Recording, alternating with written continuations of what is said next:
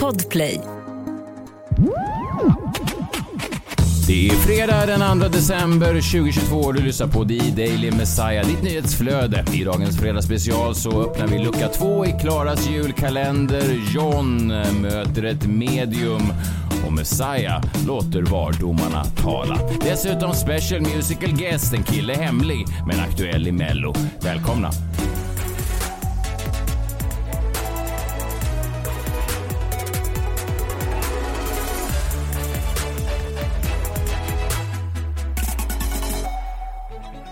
God jul eh, klingeliklang. Det är den 2 december. Jag befinner mig i eh, den eh, ganska omstridda staden Malmö. Har ni talat om den staden? Malmö. Ja, såklart. Det är ingenting som går er förbi. Jag eh, skrev att jag skulle till Malmö och då är det fortfarande folk som skriver den här klassiken eh, Bär du skottsöker väst då eller? det känns som att det är, även om det då kanske skjuts en del i Malmö, det känns som att det skämtet just har liksom kanske, det känns inte så unikt längre. Nej. Nej men det är lite som att skoja om eh, att britterna har dåliga tänder. Eller att de äter mycket soja i Japan. Det är liksom sådana här skämt som känns som att de har några år på nacken. Att de äter mycket KFC i Japan. De värsta gängbråken sker väl också mellan Södertälje och Märsta just nu. Det är väl tydligen de som krigar på mest i Sverige. Om det är någonstans som man ska ha skottsäker väst, det är väl när man åker till Märsta. Eller så åker man inte till Märsta. Nej, det behöver man inte göra. Jag var i Borås förra veckan och där är ju också, där är ju två, två förorter som, där de liksom, det, det, det som är lite läskigt är, det är väl läskigt oavsett vad man skjuter på varandra och det är verkligen ingenting som jag står bakom. Men det finns någonting läskigt när de ligger så precis, alltså Borås i sig är pyttelitet. Eh, det är ju liksom en gågata med Domus i stort sett och sen ligger de här förorterna då liksom en, ett stenkast ifrån varandra så det, det kan ju verkligen bli då som en, som en krigszon Alltså när, när en ort som ligger 20 meter från en annan ort förklarar krig mot varandra. Det, det är ju Ja, jag vet inte. Vi ska inte kanske göra några djup, djupgående analyser av gängvåldet. Men det, är, det finns ju någonting, jag läste en bok tidigare om att Malmö då, att det var mycket mer, en större del av gatulivet där. Rädslan för våldet var mer närvarande i city för att Rosengård då, som var liksom en sån drabbad stadsdel, låg så nära centrum till skillnad från kanske Göteborg och framförallt då Stockholm där det händer en massa skit en bit ut sådär. Och jag, jag vet inte, det ligger väl någonting i det där. Men konstigt också att slåss till döden om Borås. Men det är inte Borås de slåss om. Nej, de slåss ju inte om själva makten i Borås tror jag. För den är ju... Någon typ av makt i Borås är det väl de slåss om? Stortorget. Jo, de slåss väl om de olika så här, hörnen där de får sälja gräs och sånt där. Det är väl liksom, jag vet inte. Det är väl det, är väl det de slåss om. Det är väl det de slåss om överallt. Men gräs är det väl typ ingen som köper. Är det inte? Jag kan ingenting om droger. Är det inte gräs folk köper? Vad är det folk vill ha då? Kokain? Jag tror det. Gud vad jag låter, jag låter puritansk här nu, men jag vet inte vad folk, varför de... Jag vet inte vad de gillar i Borås, men... Om, om jag fick tag i en gängmedlem så skulle jag fråga. Jag tror att de boråsarna vill ha tyngre grejer. För att orka med så att säga. Eller bara klippkort på Domus. Alltså jag vet inte vad de, vad de sysslar med. Men det är ju, att de säljer Vad ligger där nere? Det är så Gina Tricot och alla de här Revolution Race. Alla de där. på Gina Tricot. Det är så, kanske sådana ja. grejer. För vet jag varför de, varför de håller på att bråka. Men de verkar ju... Det kan i och för sig vara värt en del. Alltså om man handlar mycket på Gina Tricot. Ja. Och det är där gängmedlemmarna handlar sina kläder. På Ida Tricot. De har väl bara damkläder? Nej, men boråsarna handlar ju det. Men de säljer ju rabattkupongerna på hörnet. Det är kupongerna som de står sen och kränger i ljusskygga små hörn. Det vore ju också roligt att se en sån gängledare helt klädd från topp till tå i Gina Tricot. Alltså sån, att, en sån, partytopp. En sån tubtopp. Ja, en partytopp i sån neongrön partytopp. Så står han där, Ali, och bara domderar och ger liksom olika order till sina springpojkar. Jag sa pengarna först! Eller hur de nu pratar. Och så står han där i en sån illgrön tubtopp. Ett hörn i Borås. Det, vet väl alla att det, det är liksom viktigt att, att, representera det man säljer såklart. Så det är väl klart att de har på sig partytoppar. Fast man säger väl också don't get high on your own supply. Nej det säger man det Man ska inte använda upp alla tubtoppar själv. Jaha, det kanske är så att ledaren Ali, han skriker då till springpojkarna. Vad har jag sagt om det här? Inga tubtoppar till er själva. De har klätt upp sig för kvällen. De ska ut på Stats i Borås. Får jag se lappen? Det är Gina Tricot. Vad har du att säga om det här? Gud. Han låter verkligen som en gangster från en sån svensk 60-talsfilm Ali, men det är... Det är din relation till gangster-Sverige. ja, verkligen. Men det är de tiderna vi jobbar i. Eller så är det inte det och jag bara gjorde om rösten för säkerhets skull. Vad vet jag?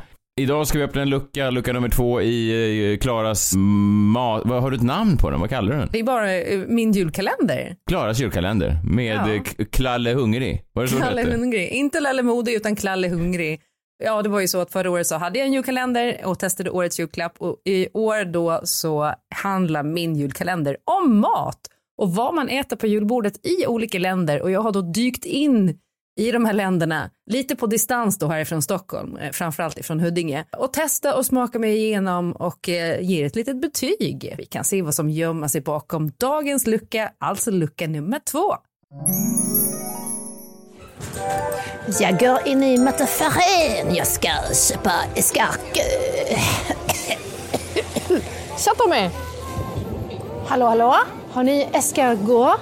Sniglar. Inte en enda snigel. Jag får kika vidare då. Tack! Ja, nu är jag inne i en annan mataffär och ni har gissat rätt. Vi har kommit till Frankrike idag och i Frankrike så äter man alltså sniglar på julafton. Jag har aldrig ätit sniglar i hela mitt liv. Vi ska se om de har det här. Hej, ursäkta. Jag söker sniglar. Escargot. Sniglar? Ja, såna här små i skal. Jag vet vad det är, men alltså... eh, Vet ni vad sniglar? En dam frågar. Han kallade mig för dam nu när han pratade med sina kollegor. Bara, fan. Ja, vi har inga sniglar. Jaha, jag är på jakt efter sniglar. En snigel eller två. Om ni inte har det här då kommer jag plocka dem jag har hemma i trädgården. Okej, nu är jag inne på Söderhallarna på Södermalm. Nu ska vi se här. Hej, ursäkta. Hej. Vet du om det finns sniglar någonstans här? Ja, det är Coop en trappa ner som va? Coop? Ja. Okej. Ursäkta. Sniglar. Sniglar? Ja. Jag tror inte att vi har det. Inte ens upp. Ja, Jag har varit i åtta butiker. Ingen har sniglar. Varmt välkommen till Vinjas, Mattias. Hej, Mattias Klara heter jag. Jag letar efter sniglar. Ja, det har jag. Vill du ha... Ah, Gärna frysta i skal om du har det. Förlåt, jag är dålig på flaska. Du sa medelskav. Jag tror det finns i hyllan. Häng kvar. Ah, gud. Om de har det här nu, då börjar jag gråta. Det är 24 stycken i varje burk. Den har jag med skal också. Alltså, samma burk men med skalen ovanpå, liksom som ett rör. Ah, jag älskar dig. Vet du, jag kommer direkt. Tack så mycket. Tack, tack. Hej! Ja, hej, hej. Och nu är jag hemma i mitt kök. Escargot, som det heter på franska, har människorna ätit sedan stenålderstiden. Under romarriket så hade man snigelodlingar och eh, man torkade sniglar och eh, tog med sig när man reste och åt då, som proteintillskott. Och det här har eh, sedan dess blivit en väldigt populär rätt på det franska julbordet. Så jag tänkte att jag för första gången i mitt liv ska griljera sniglar. Jag har liksom tänkt så mycket på att bara få, få tag i de här sniglarna så jag har glömt att jag också kommer bli tvungen att äter dem. För att tillaga sniglar eh, provençal då, så eh, smälter man smör och blandar med finhackade vitlöksklyftor, citronjuice, hackad persilja, salt och lite peppar. Och sen så åker de här skjuts in i ugnen i sina skal. Nu ska vi se här, smälter vi smöret.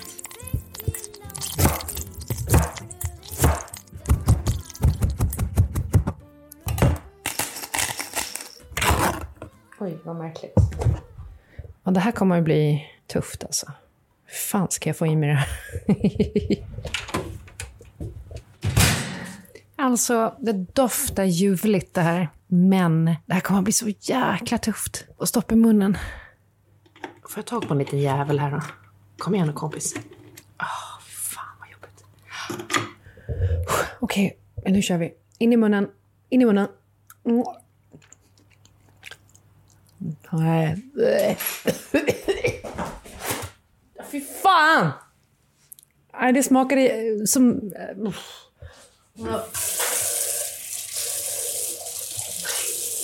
Jag kan inte ens förklara vad det smakar som, men jag tycker inte att sniglar har någon plats överhuvudtaget på ett julbord. Och fransmännen, ni borde fan skämmas för det här.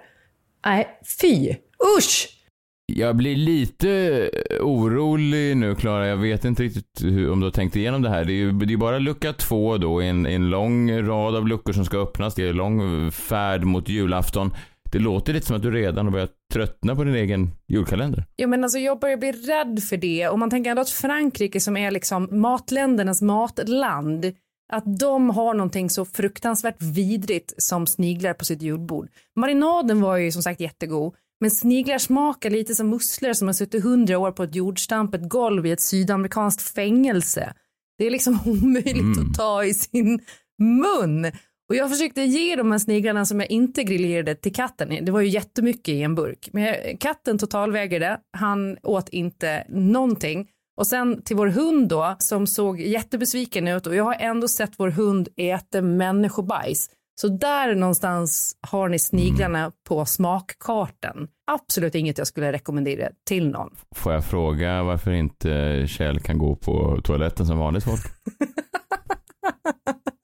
Du vet att han börjar bli gammal och det är inte alltid så lätt. Nej, tur att ni har katt då. Men Kjell kan inte ens gå på kattlådan då? Det kanske var där han hade gått i och för sig. Jaha, i och för sig, ja. Nej, han kommer inte i den. Men då kan han i alla fall rafsa upp sand efter sig. kan man ju tycka. Det hör väl till om man bajsar i en kattlåda. Men sniglar har ju en, det en spännande grej det där. Det har ju en, en rikemans-aura. Jag minns när vi firade ett nyår i, i Prag, eh, John, med tre eh, bekanta till oss då som, som alla då ville väl leva liksom the high life och vissa av dem gör väl det idag. De blev väl svinrika sen. Eh, Och de, redan då när de var 19-20 år så satt de då och tvingade i sig sniglar på olika sådana tjeckiska restauranger som kanske inte höll jättehög kvalitet. Tjeckiska Nej. sniglar. Du menar att de inte njöt av det? Jag, jag tror inte att de njöt av det, nej. Jag tror att, jag tror att vissa män, män framför allt, som vill liksom utstråla framgång eller framtida framgång kanske tvingar i sig en hel del skit som de egentligen inte tycker så mycket om. Precis som att de, många av dem tvingar sig runt på golfbanan utan att de egentligen verkar njuta av det heller. Det finns liksom vissa grejer som bara hör till sådär. Jag tror att sniglar är en, en av de grejerna. Ja, men verkligen. Men de manifesterade, för de blev ju rika sen. Så att det är kanske det man måste göra. Ja, visst, verkligen. Man kan ju ma- manifestera då med champagne och löjrom istället. Det kan jag varmt rekommendera, men sniglar inte Ja, men den alls. tjeckiska löjrommen, om vi ska- ska vara ärliga, håller inte så hög klass. Mm, vad vet du? Du har ju aldrig ätit löjrom. Där tog du mig. Hur ser det ut i VM idag då? Avgörandena i grupp eh, G och H. Eh, Brasilien har ju sett eh, ganska bra ut. I alla fall första matchen. De möter Kamerun och så Serbien och Schweiz. Två riktiga skitlag får man ju ändå säga. Serbien och Schweiz. Det är inte skitlag, det är att i. Det kanske någon blir arg. Schweizarna är jag inte så rädd för, men om det är någon serb som lyssnar så kanske jag blir lite nojig. Men jag är inte orolig om det ringer någon sån skattesmiter efter mig och ska hota mig. Om Men... Mårten Andersson ringer blir det. Nej, det blir jag inte. Ja, han smiter med skatten. Nej, men han är ju tydligen serb numera. Ja, ja, ja. Han har ju approprierat hela den kulturen och ska göra en show på temat som säkert blir jättekul. Eh, tyvärr spelar då hans nya eh, lag, då hans nya nation, eh, supertråkigt i det här VMet och Schweiz spelar ganska tråkigt också. Så att, eh, ja, Brasilien och Kamerun kan ju dock bli kul. Sen är det grupp H då, Ghana, Uruguay. Uruguay har varit en besvikelse hittills. Och sen Sydkorea, Portugal. Sydkoreanerna var väldigt bra, förlorade sist. Eh, jag gillar Sydkorea, de är ju jävla Eh, återigen, med risk för att exotifiera, fan vad de aldrig ger upp. Det är ett jävla spring på dem. det, det, det, är- det, är jävla, nej, men de, är, de är otroligt ettriga. Om vissa lag liksom, så att säga, joggar sig igenom turneringen så är Sydkoreanerna alltid, de ser alltid ut som att det är liksom när som helst är livet över och de har en sån, ett otroligt brinn på planen. Och sen eh, Portugal då med Ronaldo som har lyckats eh, vinna båda sina matcher trots att de kanske inte har imponerat jättemycket. Det roligaste förra gången man såg Ronaldo var ju det här när han gjorde ett mål, han hävdade att han gjorde det och så var det fram och tillbaka väldigt mycket om han verkligen var på det då med sina hårsäckar eller inte. Och det var liksom det första han sa när han gick av planen då när de hade vunnit var ju att det var jag, det var jag som gjorde målet. För han fick det då fråntaget sig och att de menade då domarna att han inte hade gjort det. Man tänker att han kanske skulle i dessa tider försöka vara lite mer så, kan man säga, laget före jaget. Ja, som eftersom man man är arbetslös ja. Mm. Ja, precis. Eftersom de enda klubbarna som är och rycker i honom är sådana här olika katarska och dubajanska klubbar och sådär. Liksom att han ska bli lagkamrat nu med Chippen, 37 år gammal, är ju kanske inte det han drömde om. Vad vet jag. Men de verkar i alla fall eh, gå vidare så att det är väl kul så länge både han och Messi är kvar i, eh, i mästerskapet.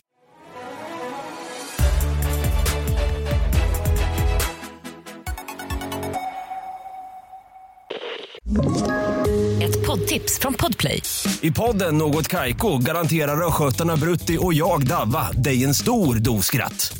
Där följer jag pladask för köttätandet igen. Man är lite som en jävla vampyr. Man har fått lite blodsmak och då måste man ha mer. Udda spaningar, fängslande anekdoter och en och annan arg rant. Jag måste ha mitt kaffe på morgonen för annars är jag ingen trevlig människa. Då är du ingen trevlig människa, punkt. Något Kaiko, hör du på Podplay. Därför är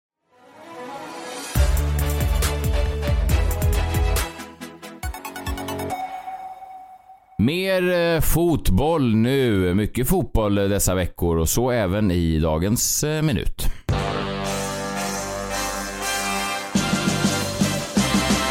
Messias minut.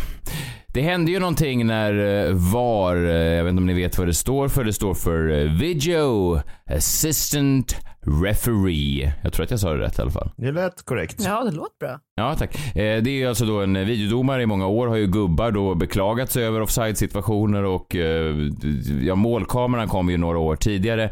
Men, men det var ju liksom, det var ju såna här riktiga, det var ju inte så länge sedan liksom Frank Lampard sköt ett, ett, ett skott som var inne och som ändå blev bortdömt i typ en kvartsfinal i VM, vilket är ju sjukt. Det är liksom 10-12 år sedan. Och det är konstigt att man har då, med all teknologi som finns, inte haft tillgång till det här innan. Men det som många hävdade innan VAR kom in var ju att det blir liksom inte helt ett naturligt flöde i spelet och vissa menar då att ja, en viss del av charmen i fotbollen går förlorat. Det låter ju väldigt ofta så här, ja men ni vet, man ser en match, det blir ett mål och sen så börjar alla direkt titta oroligt bort mot domarna för man, man tänker så här, blev det nu, det, det har ju tagit bort någonting av det, av det spontana i fotbollen. Det går ju inte att komma ifrån. Mm. Ja, lite. Men jag är också lite förvånad över att mål fortfarande firas överhuvudtaget. Varför det? Men det är ju rätt många mål som blir bortdömda när VAR har tittat på dem.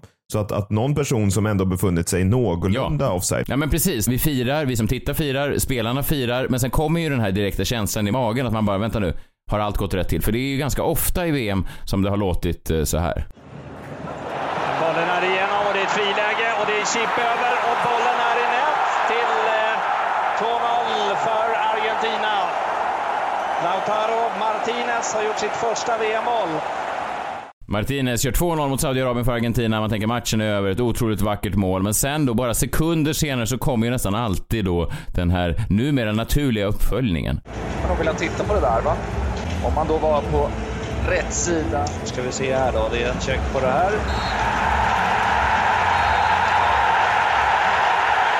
Jag misstänkte det, det var precis vid axeln. Och Martinez stack framför sista här. Hallowais tackade högra makten för det, målvakten. Eh, Såg vi nyss. Bara 1-0 för Argentina. Bara 1-0 för Argentina. Sen förlorar de ju matchen mot Saudiarabien. Och, och så här är det ju hela tiden. Det har ju tagit bort någonting ändå, även om det såklart är bra att reglerna efterföljs. Men det blir ju liksom skevt. I den här matchen var det också intressant för det, även så här snygga grejer. Det blir liksom absurt en gång, eh, vid ett annat tillfälle, det är lite bortglömt i just Argentina-Saudiarabien, när eh, Messi slog en frispark till en argentinare. Han slog som en lobbpassning som Argentina då skulle slå direkt på volley. Väldigt snyggt och då ser man liksom att domaren är på väg bort från matchen. Jag vet inte om ni såg det här. Han sprang liksom av planen så precis då när Argentina skulle skjuta bollen, eh, försöka träffa den här volleyn, så var domaren liksom halvvägs av plan för då hade han fått någonting i sin snäcka och då hade han någonting annat på gång än själva matchen. Det var ändå relaterat till matchen, eller? Ja, jo, jo det var det, men, men så, här, så här lät det. Ja, den är god den där att klippa till på. Men eh, det vet inte igång. Det är en check här på en möjlig eh, straff. Ja, det var straff som sen Argentina fick och gjorde mål på. Men det, men det är liksom det är konstant sådana här grejer liksom, och det blev ju väldigt då eh, tydligt illustrerat när domaren själv bara lämnar planen. För att det som händer på planen är liksom ibland sekundärt mot att det sitter folk runt omkring och iakttar andra grejer. Det blir ju någonting annat, det kommer man ju inte ifrån. Ja. Och det jag tänkte då är ju att det vore intressant va, om man skulle kunna införa det här kanske i vardagen. Alltså att man får den här andra chansen till en reaktion eh, i vardagliga händelser. Alltså, det är så ofta i livet som någonting händer och så tänker man åh nej eller ja det hände. Men det vore så skönt om man ibland kunde få en, ja men du vet, en andra chans. Att det kommer in någon annan och liksom bara, ja men du vet, blåser i visslan. Och så bara, så tar man en double check. Ni vet till exempel kanske mannen kommer hem då till sin fruga efter han varit på arbetsresa. Och så hittar han då en annan man i sängen då med, med, med frun och de verkar omfamnade i älskog. Och, och, och mannen blir rasande rusad i vapenskåpet eh, och ska då knäppa skallen av, av den här eh, älskaren. Men då hör man bara och då, då rusar alla då till skärmarna för att se om så att säga roten verkligen var hela vägen in. Alltså att det, att det, det är en dubbelkoll. Vilken jävla liv. Men hade det varit, om roten inte var hela vägen, alltså hade men det att- varit bortdömt då? Roten. Ja, men då är otroheten borttömd. Alltså, då är det bara att vi domaren står och viftar ut med armarna. Så roten måste in för att det ska vara otrohet? Nej, det beror väl på vad man har för avtal. Det räcker inte med toppen då eller? Ja, alltså att bara själva toppen, alltså hela var aldrig över linjen. Och då visslar domaren och då får han gå och stoppa tillbaka pistolen i, i skåpet igen och så har ingenting hänt. Det vore ju så skönt bara tänka. Eller liksom eh, man får kanske, man väntar då på att en sån här gammal hagga till mormor ska dö. En sån rik hagga eh, som har suttit inne på pengar. Hela släkten sitter och, och väntar då på att, att hon äntligen ska sluta andas så att alla ska få. De här referenserna du tar, är det från ditt egna liv eller är det bara taget från luften? Nej, nej, nej, nej, nej, nej, nej, det är taget från luften. Men hon, hon har suttit och haft massa miljoner alla år och alla sitter och väntar på de här, på de här pengarna och tänker, åh, hon använder, hon är snål också, hon använder inte de här pengarna utan hon bara sitter och håller och säger, de här ska ni, de här ska vi bli två om, säger mormor till alla barnbarn och så. Och det är inte en människa som får en spänn av henne. Och sen plötsligt så får man samtalet, jo, mormor är, är är tyvärr död. Hon, hon ligger på, på sjukhuset här nu och nu är hon död. Och hela familjen jublar och säger ja nu kan vi sälja eh, och köpa nytt och större och vi får ett rum till och du kan få den där bilen du vill ha. Och då hör man plötsligt bara och då kommer de in, vardomarna, och har upptäckt en svag, svag andning då hos mormor. Och eh, ja, så viftar de med händerna. Och det visar sig att mormor lever och pengarna är... Det är liksom en sista minuten-koll då att de kollar. Ja, mormor var inte hela vägen över gränsen då? Nej, hon var inte... Hon, hon dömdes då precis. De viftar avväpnande då de här linjedomarna som står och kontrollerar om man är död. Eller till exempel, sista exempel här. En familj då som äntligen får ett, ett barn, en kvinna och en man. De ligger på BB. Och så har de fått då ett barn. De har kämpat i många år. Det kan vara svårt ibland för folk att få barn. Jag själv är väldigt lätt för att få barn. Jag är väldigt, ja nästan som en David Sundinsk supersperma. Men vissa har ju då väldigt svårt för det här. Och då har de äntligen fått det, det här paret och Eva och Adam heter de. De är väldigt så pursvenska, liksom blonda, riktigt blåögda typer. Då får de ett barn och eh, Adam håller sitt barn med lite mm, sådär, han har lite intressant att de har bruna ögon har barnet då, men, men han är så glad eh, Adam. Han sa, jag trodde det var fel på mig och min säd. Eh, men äntligen har jag då fått bli pappa. Gammal också, han 52 år, så han trodde att det var sista chansen. Och sen, åh, så gråter han och, och tårarna träffar då sonen och, och då då kommer de igen, vardomarna, och då har de gjort en DNA-check här på ungen. Och det visar sig att ungen har exakt samma, jo, exakt samma ögon då som deras mexikanska poolboy Juan. Och eh, det visar sig då att de då tar barnet. Det visar sig då att, ja då börjar de igen vifta linjedomarna och säga avfärdande och säga nej det var tyvärr inte ditt barn, eh, de ska med Juan och så visar det sig då att det är en stor affär. Så att jag tror att det vore ganska skönt ibland att bara få en sån här second chance eh, även i livet. Inte bara i VM utan även i sitt privata liv.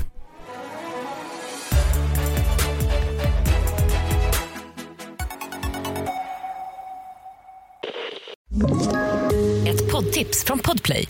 I podden Något Kaiko garanterar östgötarna Brutti och jag, Davva, dig en stor dos skratt. Där följer jag pladask för köttätandet igen. Man är lite som en jävla vampyr. Man har fått lite blodsmak och då måste man ha mer. Udda spaningar, fängslande anekdoter och en och annan arg rant.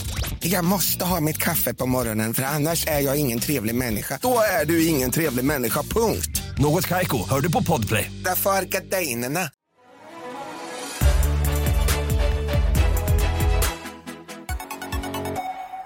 Vi har ju fortfarande inte enats om någon ny uh, vignett här för Jomboland, men uh, vi uh, jobbar på det. Vi får fortfarande in massa bidrag och sådär. Men jag antar att vi kör uh, den vanliga nu då? Eller vi, du, känner, du kände starkt för någon av dem va? Ja, jag, jag tror han heter Henrik Karlsson. Kan det stämma? Hans där utan slut. Vi måste, vi måste... Måste kolla repriserna, men, men så vi inte säger fel. Det är väldigt viktigt.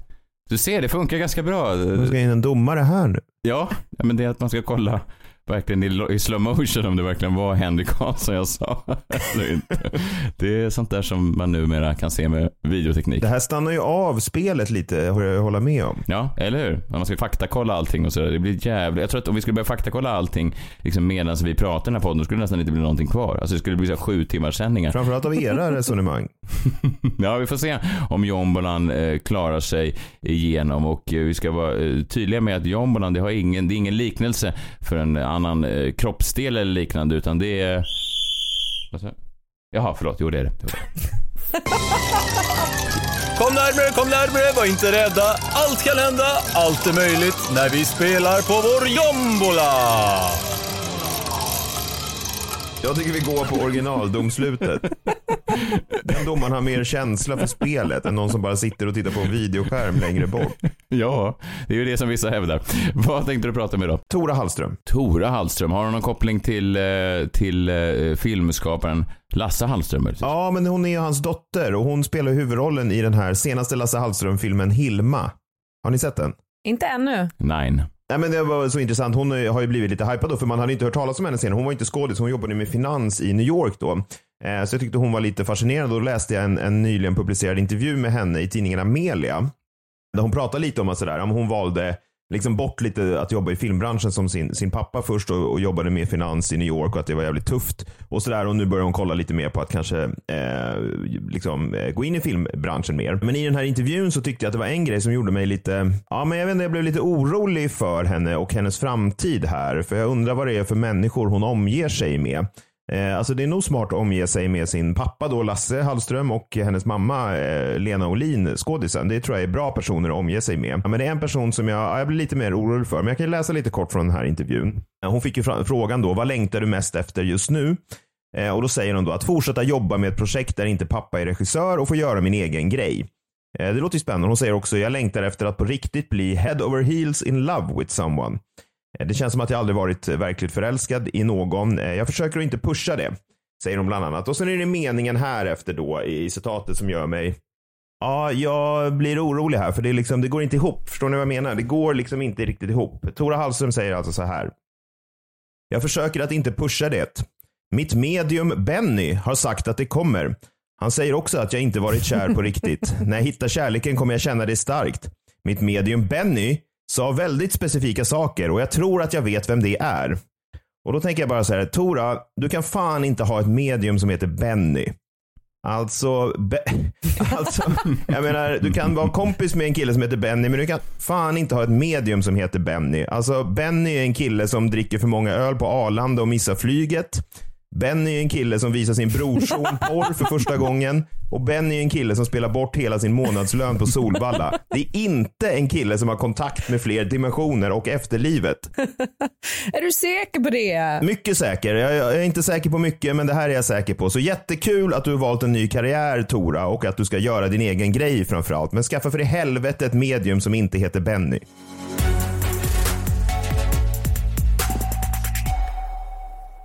Jag tror i och för sig att eh, mediumet kan vara Benny Rosenqvist och han eh, ser eh, inte ut som en klassisk eh, jag dricker för många öl och missar flyget på Arlanda Benny.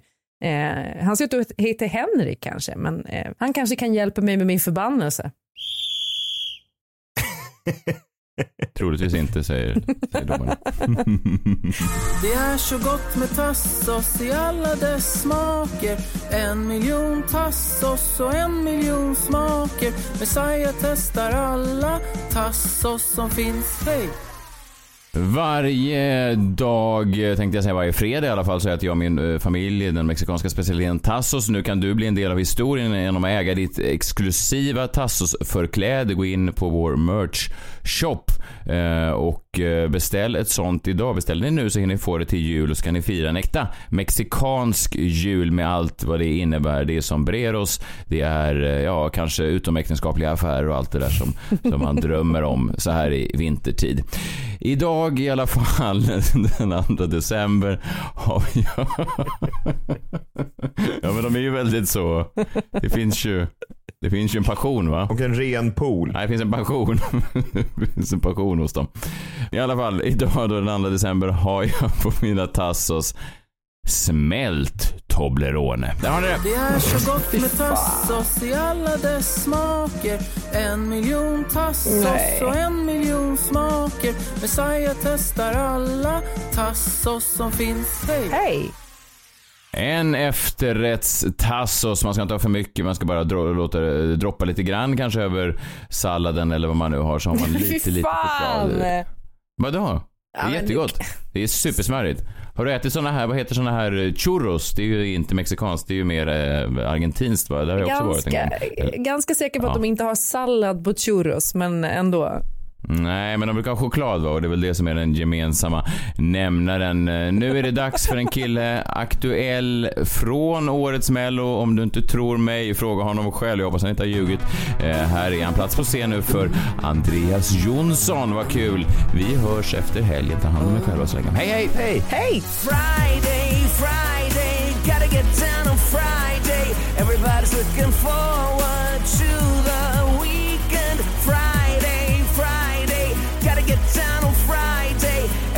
looking forward to the weekend. Partying, partying, woo. Partying, partying, woo. Fun, fun, fun. Looking forward to the weekend.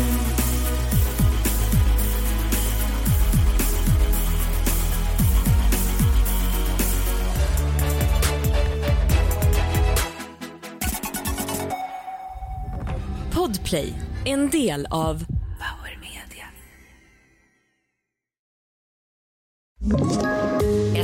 poddtips från Podplay. I fallen jag aldrig glömmer djupdyker Hasse Aro i arbetet bakom några av Sveriges mest uppseendeväckande brottsutredningar. Går vi in med hemlig telefonavlyssning och, och då upplever vi att vi får en total förändring av hans beteende. Vad är det som händer nu? Vem är det som läcker? Och så säger han att jag är kriminell, jag har varit kriminell i hela mitt liv men att mörda ett barn, där går min gräns. Nya säsongen av Fallen jag aldrig glömmer på Podplay.